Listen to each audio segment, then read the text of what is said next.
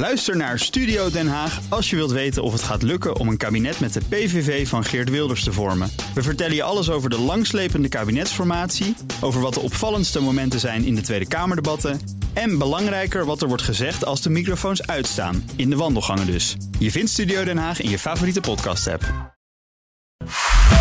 BNR Nieuwsradio. Boekenstein en de Wijk. Jan Postma. Witte rook. De brexit-onderhandelingen zijn een stap verder. One step beyond. Getting to this point has required give and take on both sides. I mean, the whole thing's humiliating. This is not the end, but it is the end of the beginning. We've collapsed at every level. Het akkoord wat nu voor ligt, uh, daaruit blijkt dat Engeland op een hele nette manier afscheid wil nemen van de EU. Look, ultimately, it's better than a bad deal. On course at the minute, this is a very bad deal indeed.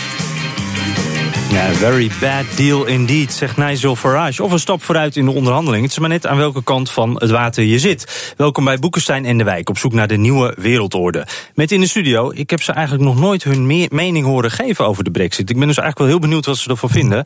Arendtje Boekenstein en Rob de Wijk. Wel eens over nagedacht? The biggest foreign policy disaster of the 21st century. Nou, je hebt erover nagedacht. Voor mij citeert hij weer iemand op. Ja, dat doet hij wel kan vaker. Die, kan hij dat zelf niet bedenken? En, nou, want ik, ik heb dit weekend, uh, vorig weekend eigenlijk geleerd... dat Arend Jans mening er ook toe doet. Want ik las Oh. NRC en zij zeggen... het zegt wat dat verschillende oud-politici... vaak meer Haagse invloed hebben dan beroepspolitici. En dan noemen ze Arend Jan Ja. Boekenstein. Ik heb het nooit geweten. Wisten jullie dat? Ja, zeker. Ja, ja, ja, ja, ja, ja.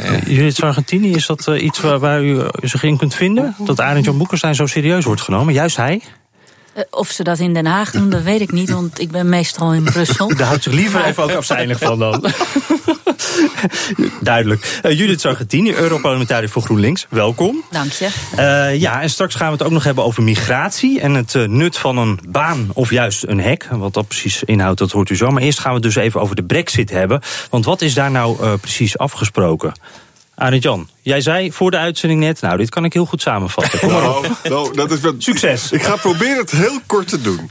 De eerste grens blijft onzichtbaar. Dat betekent Noord-Ierland en Zuid-Ierland geen grens. Ierland, Noord-Ierland blijft lid van eh, Engeland. Hè? En nou komt het, als er toch niet een echte goede deal komt tussen Noord-Ierland en Engeland, dan moet Noord-Ierland zich houden aan de EU-regels, zonder dat ze daar met stemming aan mee kunnen doen. En voor de twee jaar transitiefase na Brexit, maart 2019, moet Engeland zich ook houden aan EU-regels, zonder dat ze daar zelf invloed op hebben. Oké, laten we dit dan even als een soort van punt 1 eh, behandelen. Want eh, dit is een hele hoop informatie ook. Rob, wat betekent dit dan? Nou, dit betekent dat die hele discussie die we hebben gehad in aanloop naar de Brexit. Weet je nog wat het motto was? Take back control. Ja. Dat die niet echt aan het werken is. Zeker. Eh, want op alle punten eh, die in dat stuk staan, als ik nog even door mag gaan daarop, eh, dan moet je constateren dat dat gewoon niet gelukt is.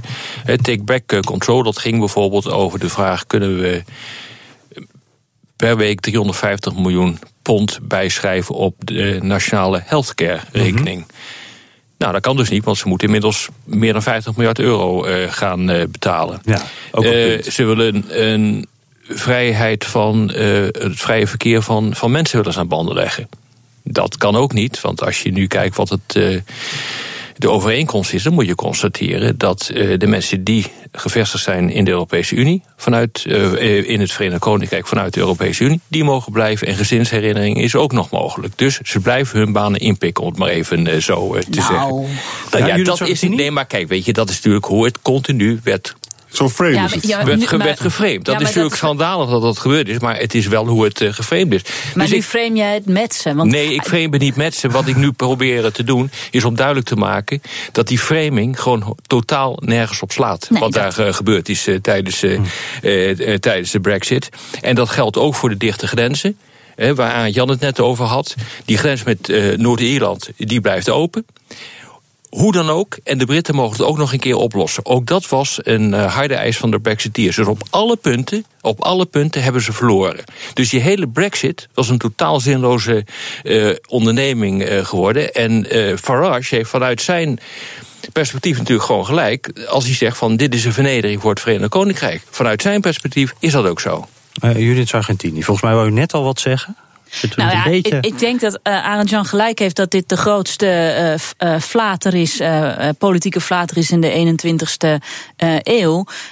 maar dat wisten we ook de dag na het referendum, want de Brexiteers hadden gedacht, hadden gedacht dat ze het zouden gaan verliezen. En die zou ik toch met name Cameron aan, aansmeren. ik denk dat iedereen, en sommigen hopen gewoon nog als het zo slecht wordt, misschien zien ze er dan wel vanaf. maar ik denk dat de Europese Unie heel hard werkt aan wat een zachte brexit moet zijn. Waardoor, uh, waardoor je de markten uh, minder verstoort. En waarbij je inderdaad burgers in Europa en burgers in Groot-Brittannië hun rechten laat houden. Ja, John? Ja, nog even om het in te wrijven, want ik, weet je, ik ben zo'n verwoede. Wie wrijven we dit in? Mag ik dat vragen? Ja, ga ik, ga want dit is Nederlands luisterpubliek. Wel, maar we proberen. Kijk, er zijn ook luisteraars die zitten ook naar nieuws naar te kijken, s'avonds, net zoals ik. Hè. Weet je nog dat Michael Cove en Boris Johnson tegen Theresa May zei en tegen de, tegen de boulevardpers van... het is belachelijk, we gaan helemaal niks betalen. We moeten gewoon we moeten zonder, zonder iets te betalen eruit. Hè. Nu heeft Boris Johnson dus uh, ge-sms naar Theresa gefeliciteerd hoor. En we gaan dus nu 45 miljard euro betalen. Hè. Michael Cove precies hetzelfde. Hoe moet je die mensen nou serieus nemen... als ze gewoon dingen doen waar ze helemaal... Maar Arend Jan, ik ben, ik ben politicus... en ik vind dit een ongelooflijk onverantwoorde gang van zaken. En je, leedvermaak is hier helemaal niet uh, van toepassing. De jonge generatie van Groot-Brittannië gaat ontzettend hier de prijs voor betalen. Ja, en ja. die hebben binnenkort niet meer de mogelijkheid om makkelijk op het Europese continent te studeren en te werken. Het cynische is nog ja. dat de enige Britten die nog een Europees paspoort houden, dat zijn de Britten in Noord-Ierland. En de rest gaat gewoon boeten en voelt zich op een, op, op een eiland uh, teruggeduwd. Maar wat, en ik, ik, ik, ik, ik huil daarom. Ja, maar ik, ik ben dat met je eens. Nou, zo snel huil ik niet. Maar, uh, en het is ook geen leedvermaak. Maar het is wel belangrijk hoor, om uh, het hierover te blijven hebben. Want hoeveel mensen in Nederland zouden eigenlijk ook wel uit die Europese Unie willen stappen. Wat zeg jij als politicus tegen mensen als, uh, als Baudet? Die nee. dit nog steeds, die nog steeds roepen van nou, er is helemaal niks aan de hand hoor in uh, het Verenigd Koninkrijk. Nee, dat gaat allemaal wel goed. Nou, misschien moet Baudet dan een van die, uh, een van die uh, onderdeeltjes van deze laatste verklaring lezen. Waarin staat dat de, de kosten voor deze brexit, dus dat bedrag wat nog niet helder is, maar wat rond de 50 miljard gaat zijn, in euro's betaald moeten worden. Want dan zijn namelijk de problemen rondom de valutaschommelingen mm -hmm. zijn voor de Britten. Of de Hongaren Hongaren, die natuurlijk ongelooflijk nationalistisch zijn en achter Orbán aanlopen. Sinds de brexit is de steun in Hongarije voor Europa gestegen in van 80% naar 87%. Ja. Ik denk dat uh, juist die jonge stemmers van Thierry Baudet zich misschien wat kunnen voorstellen bij het niet meer zo vrij kunnen reizen en vestigen als we nu kunnen. Maar dan is dat hele gedoe met zo'n brexit en ook een nexit is toch gewoon gebaseerd op leugens. Dat moeten we toch ook zo ja. benoemen. Vind ik ook. Het is niet dat we dat voor het eerst zeggen, toch? Nee, maar het komt niet echt over. Nou, ik en denk nu ook, komt het eindelijk, het denk ik, wel als eens een keer jij over. dat zegt. Want somehow denk ik dat de, dat de achterban van Thierry Baudet het van mij niet zo snel zal aannemen. Nou, gaan we doen. Uh, laten we even terug uh, meer naar de deal zelf. Want ik heb zelf ook wel het gevoel, als je het dan bekijkt, dat er ook wel wat dingen vooruitgeschoven worden. Zoals die Ierse grenskwestie bijvoorbeeld. Mm -hmm. Daar moet nog maar een oplossing voor gevonden worden. Als die oplossing er nou niet wordt gevonden, wat zijn dan de gevolgen daarvan? Nou, een van de gevolgen is dan dus dat zolang dat niet gebeurt, staat letterlijk in de tekst, dan moet Noord-Ierland zich houden aan alle EU-regels. Nee, dat staat er niet in. De hele de heel Groot-Brittannië ja. moet zich houden aan alle EU-regels. Nee, niet alle EU-regels, dat staat er ook weer niet in. Nou ja, dat blijft dus onduidelijk. Nee, ja, ja. Er staat letterlijk in dat deel van de EU-regels die op dat moment van toepassing zijn op de interne markt en die uh, de relatie met Noord-Ierland treffen. Maar ik denk dus mm -hmm. dat ze expres niet gespecificeerd zijn, Tuurlijk. omdat niemand het nog precies weet. Exact, het is onduidelijk. Het is uh, onduidelijk. maar het geeft wel enige veiligheid voor Ierland en dat is belangrijk. Maar waarom nu toch die deal? Dat is aan het eind van deze week is er, eh, van volgende week is de eurotop van alle premiers voor de kerstvakantie. En ook wij in Straatsburg moeten deze week ja of nee zeggen om de tweede fase in te gaan uh, voor de onderhandeling. Ik bedoel, wij, het Europees Parlement. En als, we dat, als dat niet gebeurt komende week, dan lopen we, loopt het hele proces extra vertraging op. En dan kun je nog hopen van uitstel komt afstel, maar dat geloof ik eigenlijk niet zo. En ik denk dat ze in Groot-Brittannië ook langzamerhand maar moeten gaan begrijpen wat het eigenlijk betekent. En we komen niet op dat moment als we niet over andere onderwerpen gaan onderhandelen. Maar, maar even in, inhoudelijk over wat er nu dan bereikt is. Er zijn wel wat onduidelijkheden. Er moeten echt nog wat dingen worden ingevuld. U zegt zelf ook, we moeten naar die tweede stap. Hoe, hoeveel is inhoudelijk deze horde dan waard? Dat deze, is die wel echt genomen, die horde? Nou, eh, voor uh, Europese en voor uh, burgers en voor uh, burgers uit Groot-Brittannië is geregeld dat zij hun leven kunnen leven zoals ze dat nu doen. Ja. En de hoeveelheid brieven die ik krijg van Nederlanders die in Groot-Brittannië wonen in gemengde nationale gezinnen, die zich heel veel zorgen maken, die kunnen nu, denk ik, gerust zijn. En die hobbel moest eerst genomen worden. En ook de hobbel van het prijskaartje, nog niet helemaal, maar toch een, mhm. een eind op streek. Voordat de Europese uh, Unie bereid was om te praten over, wat voor soort handelsverdragen. Kijk, maandag, maandag gaan we praten over handel. En dat, dat wordt vreselijk interessant. Want dan... Even één stapje terug. Ja? Wat nou als, als een van deze probleempunten dus toch niet opgelost worden? Dan, dan uh, heb je gewoon de situatie die zich nu is gezet zich gewoon voort. Nee, maar dan ja, doe je dan... gewoon zoals alle Europese onderhandelingen. Er is no deal unless everything is fixed. Hè? Ja. Mm -hmm. We hebben nu allemaal deel, deel uh, afspraken, maar er moet nog een ferme klap aan het eind opgezet worden. Uh, ge, ge... Maar die komt dan misschien niet. En die komt dan niet. En dan? Nee, nou ja, nou, nou, zoals ik het nu zie, uh, zijn er denk ik twee scenario's. Of je gaat uh, af op een hele harde brexit. Je de onderhandelingen slagen uiteindelijk niet. En je valt terug op de wereldhandelsregels. Mm -hmm. En dat betekent dus uiteindelijk uh, dat er enorme import- en exporttarieven worden opgelegd. Dat gaat. Uh, en, Britse... en crisis in Ierland, exact, hè? Echt exact. gewoon gevaarlijk wordt het dan in exact. Ierland. Waarschijnlijk een nieuwe burgeroorlog in Noord-Ierland, om het maar zo te zeggen. Hè? Ik bedoel, dat letterlijk? Is, letterlijk. Ja, natuurlijk. Okay. Ik bedoel, de spanningen die zijn er nog steeds groot en mm -hmm. die mhm. lopen nu op. Dus dat is één, uh, dat is één scenario. Dan denk ik dat er gewoon een hele hoop, een hele tijd niks komt. En dan krijg je, als je dus nu ziet wat voor concessies er zijn gedaan uh, in het uh, Brexit-kamp. Dan krijg je automatisch een discussie die naar een zachte brexit gaat. En dan krijg je een Noorse situatie ja. waarbij eigenlijk het Verenigd Koninkrijk lid is van de Europese Unie. Zonder invloed. Zin, zonder ja. invloed, maar dat, wel moet betalen. Ja, dat, dat is leuk. En dat, en dat is zo'n slechte uitkomst, hè, dat, dat, waarvoor heb je het allemaal gedaan, dat je dan dus denkt van, zou er dan niet een politiek het kabinet kunnen vallen en een nieuw referendum en dat je. Hè? Oh, en dan nog even heel kort, begint het dan weer helemaal overnieuw van voren nou ja. Nee, ik denk dat de mensen dat accepteren, omdat eigenlijk veel mensen ook gewoon besodemieterd willen worden. Ja, maar met die woorden gaan we door naar ons volgende onderwerp, zo na de reclame. Als we als EU minder migranten uit Afrika zouden willen, hebben we dan meer hekken hier nodig of meer banen daar? Of misschien allebei. BNR Nieuwsradio. Boekenstein en de Wijk. Op zoek naar de nieuwe wereldorde. Dit is Boekenstein en de Wijk. En dat programma is natuurlijk niet zonder Arend-Jan Boekenstein en Rob de Wijk... die helemaal geen mening hebben over de brexit, zoals u net uh, allemaal kon horen. En te gast Judith Sargentini, Europarlementariër voor GroenLinks. Mijn naam is Jan Posma en we gaan het nu hebben over uh, immigratie. Met name die immigratietop uh, in Ivoorkust. Judith Sargentini, die top zou eigenlijk over ja, de jongeren gaan hè, van het continent... maar stond uiteindelijk vooral in het teken van die schokkende beelden... van slavenhandel in, in Libië. Hoe, hoe, ja, u was bij de ja, de, de bijeenkomst voor die top. Hoe, hoe, hoe ging dat? Ja, ik was bij de bijeenkomst tussen Europarlementariërs en parlementariërs uit heel Afrika. En daar was dit ook het, het, het springende punt. Ontzettende kwaadheid eerst onder Afrikanen. De Afrikaanse Unie kon ook heel slecht met de Europese Unie op de officiële top onderhandelen, omdat ze met elkaar mot hadden. Noord-Afrika, Libië en Egypte, die de situatie toch wat anders ziet. En, en Sub-Sahara-Afrika, die zegt: dit is discriminatie van ons, zwarten. De, de blanke Arabieren in Noord-Afrika discrimineren ons, maken ons tot slaaf. Ze kidnapten dat hele, die hele top.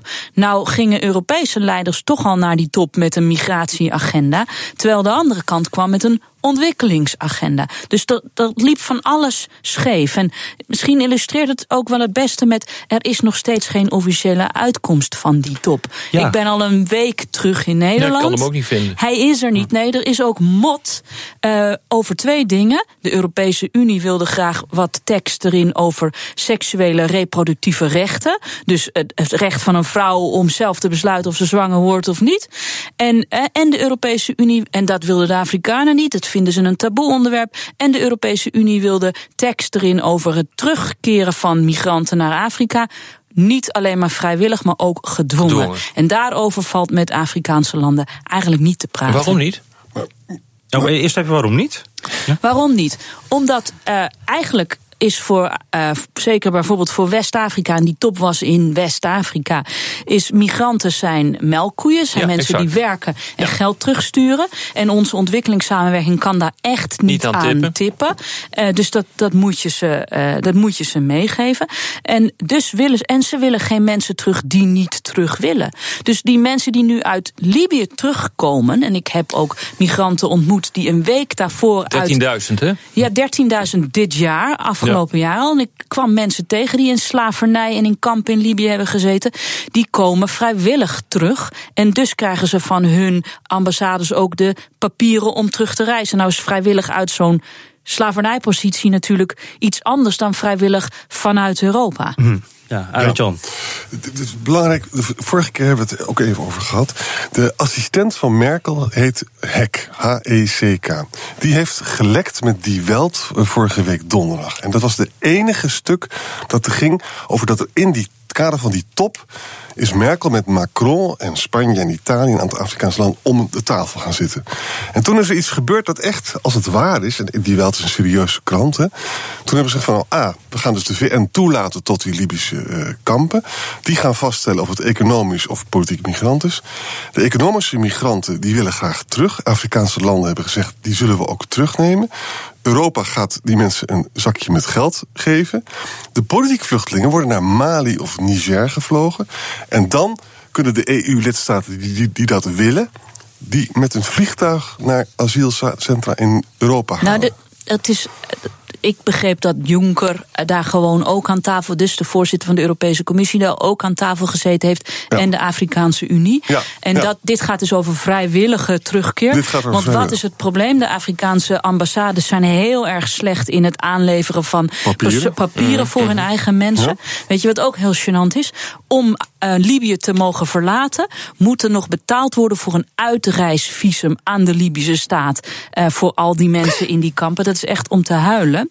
Uh, maar de IOM die dit moet gaan uitvoeren, die sprak ik een dag na die, uh, die de internationale deal, organisatie de internationale voor organisatie voor migratie. Die moet dit gaan uitvoeren voor de migranten, niet voor de vluchtelingen. Die hebben geen flauw idee. En om het allemaal nog wat geïmproviseerd te maken. S'avonds op het vliegveld terug naar Nederland kwam ik de Eurocommissaris voor Ontwikkelingssamenwerking tegen. En die zei: Ik was ook bij dat overleg. Daar gingen de hotemoto te praten en het was niet zo gedetailleerd. Wat ik weet is dat ik geld in mijn begroting moet gaan vinden om dit mogelijk te maken.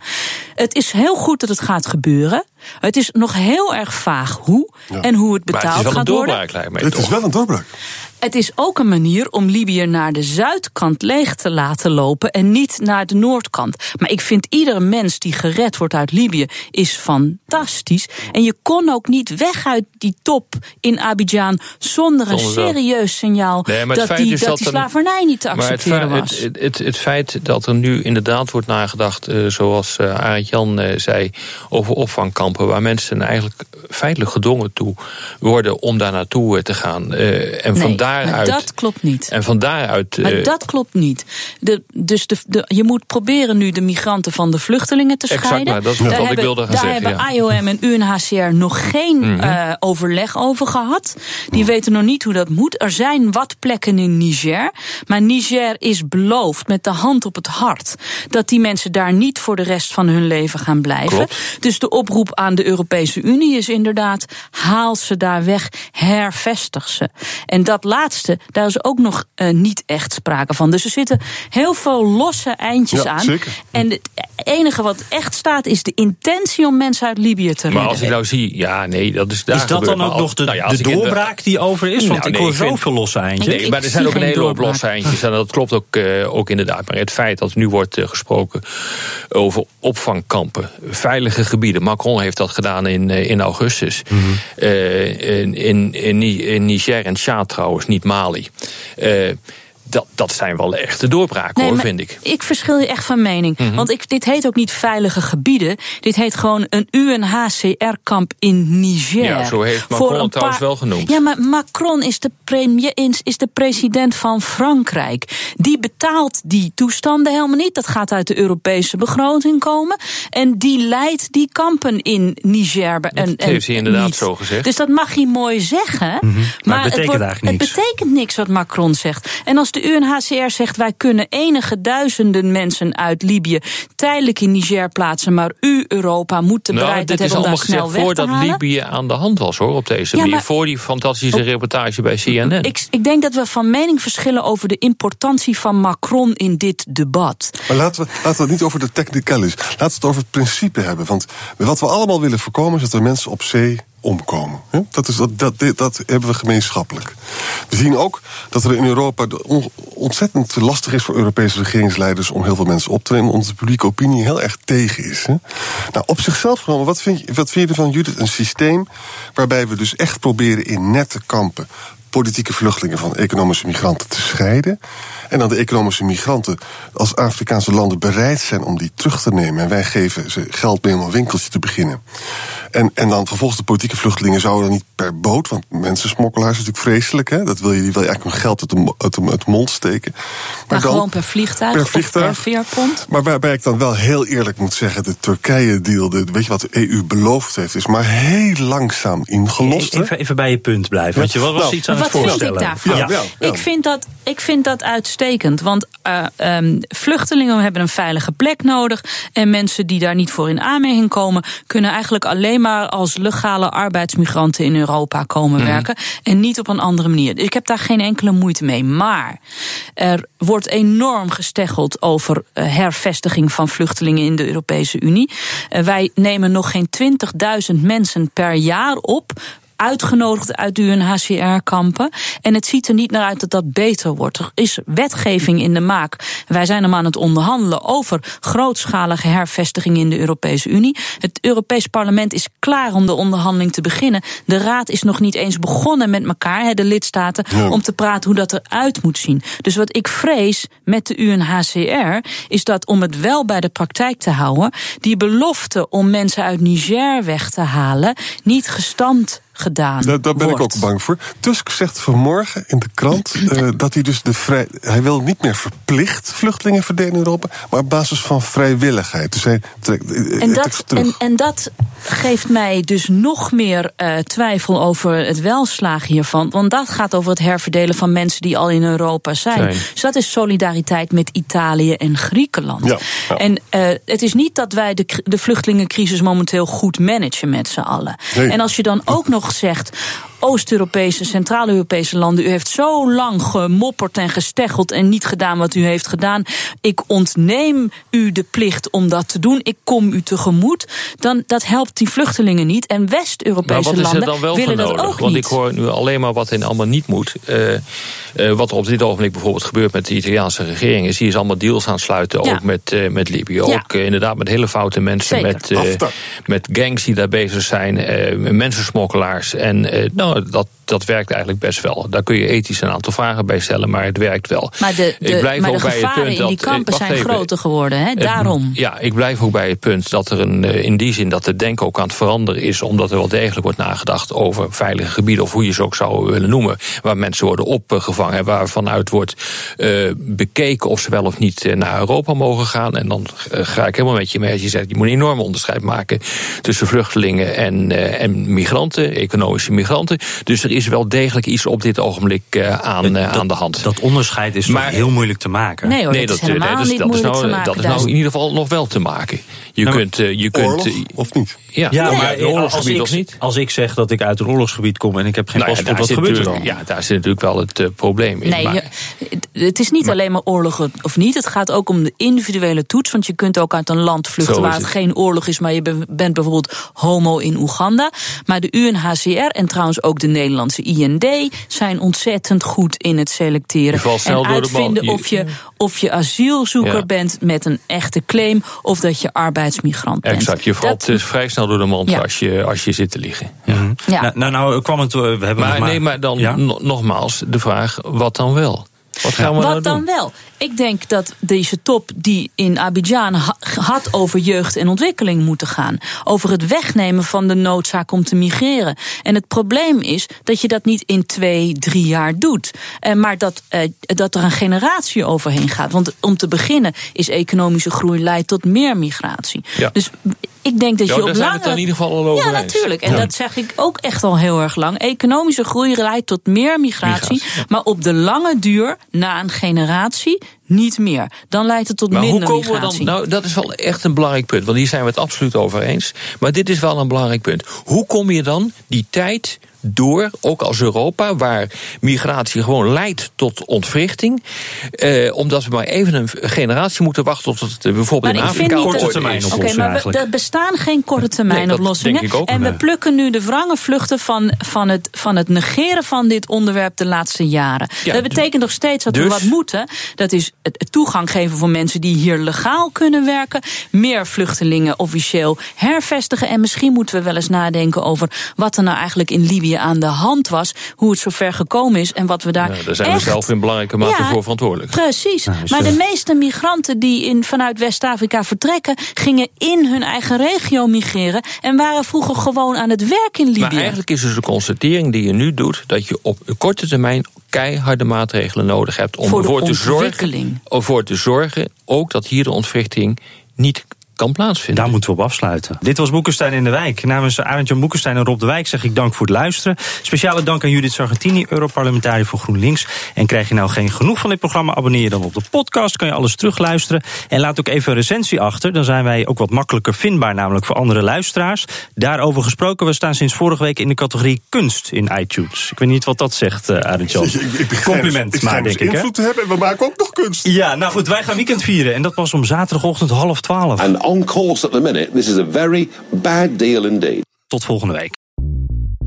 Bij BNR ben je altijd als eerste op de hoogte van het laatste nieuws. Luister dagelijks live via internet. Bas van Werven. En heel langzaam komt de zon op rond dit tijdstip. Je krijgt inzicht in de dag die komt op BNR, het Binnenhof in Nederland en de rest van de wereld. De Ochtendspits. Voor de beste start van je werkdag. Blijf scherp en mis niets.